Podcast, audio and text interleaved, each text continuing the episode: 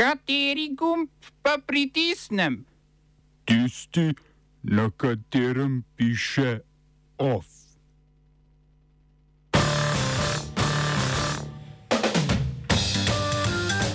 Nemški in Evropski parlament na seznam sankcionirancev dodala nekdanjega kanclerja Gerharda Schröderja. Nekdani španski kralj Juan Carlos se je po dveh letih vrnil v Španijo. Slovenija ostala brez plina skrka. V državnem zboru oblikovana sestava novih poslanskih skupin. V kulturnih novicah arhiviranje živega v bioumetnosti. Včeraj so na ulicah sudanske prestolnice Khartoum že deveti mesec zapored potekali protesti proti tamkajšnji vojaški hunti, ki je oblast prevzela po vojaškem udaru leta 2019. Državna policija je med izgredi nad protestnike krenila s sozivcem in jih večje število pridržala.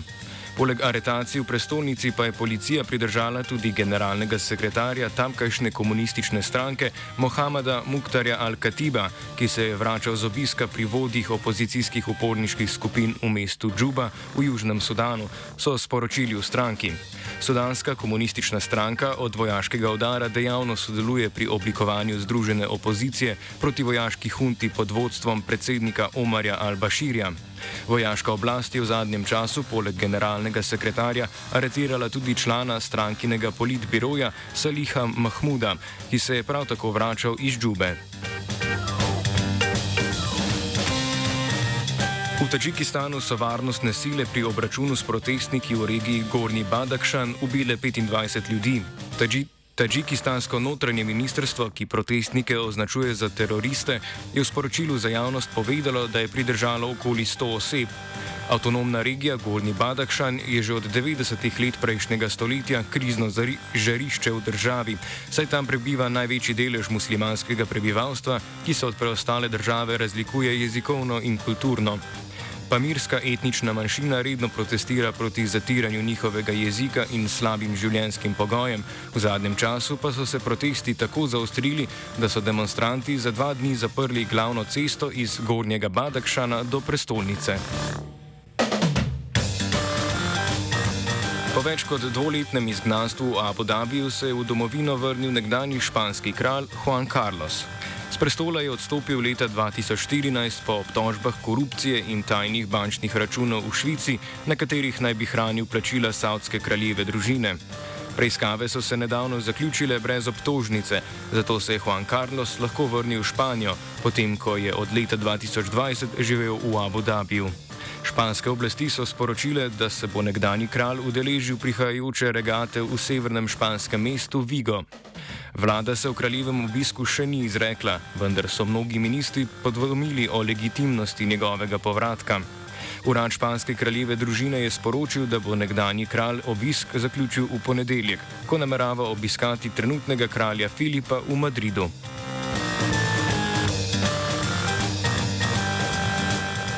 Nemški in Evropski parlament sta odločila, da bo nekdani nemški kancler Gerhard Schröder postal tarča sankcij evropskih držav zoper Rusijo. Nemški parlamentarni odbor za proračun je napovedal, da bo Schröder moral zapreti urad nekdanjega predsednika vlade, a bo še naprej upravičen do pokojnine in osebnega varovanja. Odlok ni namenjen neposredno Schröderju, temveč postavlja precedens za prihodnje kanclerje. Nekdani kancler zaseda visoke položaje v ruskih energetskih podjetjih Rosneft in Gazprom ter pri projektih Severni tok 1 in 2, ki se jim kljub ostrim kritikam vladnih in opozicijskih strank ni odrekel.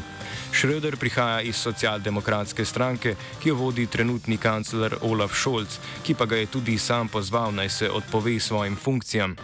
Krščanski demokrati so od vlade zahtevali naj Schröderju vzame pokojnino. Podobno so menili tudi v Bruslju, kjer pa so poleg Schröderja kot stopu z položajev v ruskih družbah pozvali tudi avstrijsko zunanjo ministrico Karin Kneisel. Predlog Evropskega parlamenta pa je kritiziral prav kancler Scholz, ki je dejal, da bodo sankcije nemškega Bundestaga zadostovale.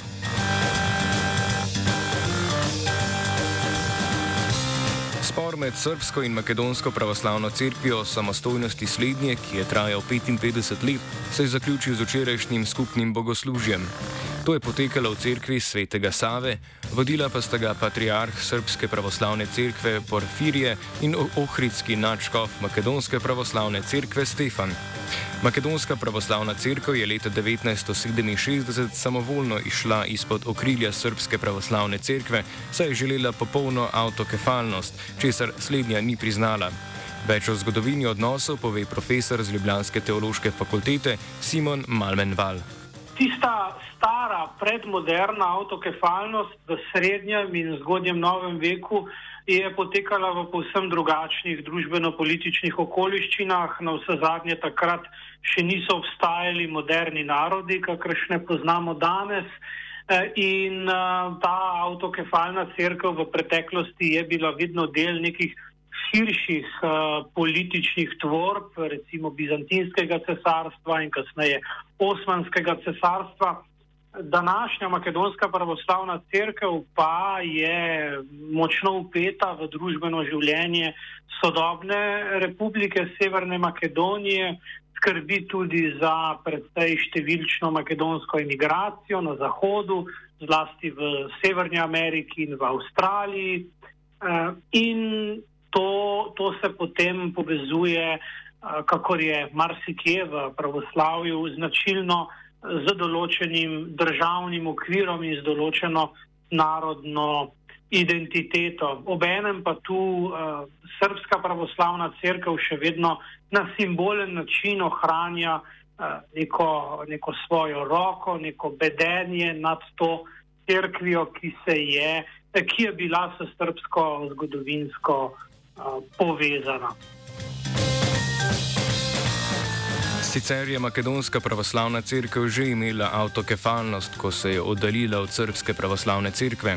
Zakaj so se odnosi ponovno vzpostavili, pove Malmenval. S slovesno liturgijo v crkvi, stolnici svetega Save v Beogradu ta četrtek je Makedonska pravoslavna crkva ali uradno Ohridska nadškofija ali arhiepiskopija zopet uh, prišla v polno edinost, v občestvo, kot se temu reče, s preostalimi medsebojno priznanimi pravoslavnimi crkvami po svetu. To pomeni, da ima ta dogodek velik pomen za pravoslavje v celoti in ne samo za odnose med makedonsko in srpsko pravoslavno eh, cerkvijo. Zakaj se je to zgodilo prav v Beogradu? Zato, ker je sedaj eh, ponovno tudi uradno in z medsebojnim dogovorom makedonska pravoslavna cerkev postala sestavni, a hkrati avtonomni del srpske pravoslavne cerkve, iz katere je ta tudi v modernem obdobju nastala. To pomeni, da bo srpski patriarh Porfirije skupaj z drugimi srpskimi in makedonskimi škofi določil, verjetno v naslednjih letih, dokončen status makedonske pravoslavne cerkve pričakovati je, da ji bo podelil avtokefalnost ali polno samostojnost. Uh, Oba, če, če bom odgovoril na angliški. Uh, uh, Slovenija bo poskušala pomagati. Slovenija bo naredila naš utmost, da bo rekla, da je situacija naš problem, ourselves. In da bomo naredili nadaljnje korake, as soon as the conditions are. Bomo vlado Marjana Cererja Cerer Šarca podprli. Very, very serious. News from Slovenia. We know how and we will. Rusko zunanje ministrstvo je od slovenskega ministrstva za zunanje zadeve zahtevalo, da se mora število diplomatskega osebja na slovenskem veleposlaništvu zmanjšati za štiri osebe in v pismu za javnost izrazilo ostro nasprotovanje slovenski pomoči Ukrajini. Na ministrstvu za zunanje zadeve so povedali, da so nad zahtevo negativno presenečeni in dodali, da bodo rusko odločitev kmalo skrbno preučili in se temu primerno odzvali. Na ruskem zunanjem ministrstvu odločitev utemeljujejo kot povračilo na slovenske ukrepe začetka aprila, ko je moralo rusko veleposlaništvo zapustiti 33 konzularnih delavcev. Slovenski veletrgovec s plinom Geoplin je na razpisu za pridobitev prostih zmogljivosti za doma, dobavo plina na krškem terminalu izgubil proti hrvaški družbi prvo plinarsko društvo. Na aprilskih medvladnih pogovorjih v Zagrebu je hrvaška vlada Sloveniji ponudila možnost uporabe terminala za uvoz utekočinjenega zemljskega plina na Krku, ki bi lahko pokril okoli tretjino slovenskih potreb. Plinski terminal je tako zaseden vse do leta 2027, kar pomeni, da bo Slovenija morala poiskati nove poti za uvoz utekočinjenega plina iz azijskih držav. Sloveniji najbližji alternativni terminal je v italijanskem mestu Rovigo pri Benetkah. Zmogljivost terminala znaša okoli 8 milijard kubičnih metrov plina, ki bi lahko tekel po plinovodu čez Šempeter pri Gorici, ki je trenutno največji v Sloveniji. Državni zbor je na seji potrdil sestavo poslanskih skupin in njihove nove vodje. Poslansko skupino Gibanja Svoboda bo do prevzema pobude za mandatarja vodil dosedani predsednik stranke Robert Golob. V stranki so napovedali, da ga bo v prihodnosti na položaju zamenjala Tamara Kozlovič ali Borut Sajovic, vendar se še niso dokončno izrekli. Vodenje poslanske skupine SDS bo ponovno prevzela Jelka Godec, njena namestnika pa bosta Carmen Furman in Zvonko Črnač. Mesto vodje poslanske skupine NSI bo še naprej opravljal Jožef Horvat, vendar naj bi ga v prihodnje zamenjal še ministr za socialne zadeve Janez Cigler Kralj. Poslansko skupino SD bo vodil Jani Prednik. Poslansko skupino Levice bo še naprej vodil Matej Tašner Vatovec. Nadzorni svet energetike Maribor je na položaj direktorja brez javnega razpisa imenoval dosedanjega začasnega direktorja Borisa Novaka. Položaj direktorja je bil nezaseden že od lanskega decembra, ko je družbo zapustil dolgoletni direktor Alan Perc, ki jo je vodil vse od leta 2009. Sporna je bila odločitev, da družba za položaj direktorja ni razpisala javnega razpisa, kot je obljubil predsednik nadzornega zbora Damjan Škrinjar.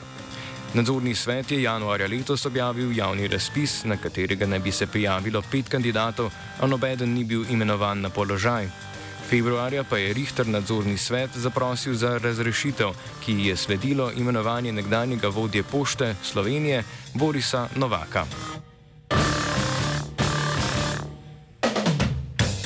OF je pripravil vajenec Beno, mentorirala je Anja.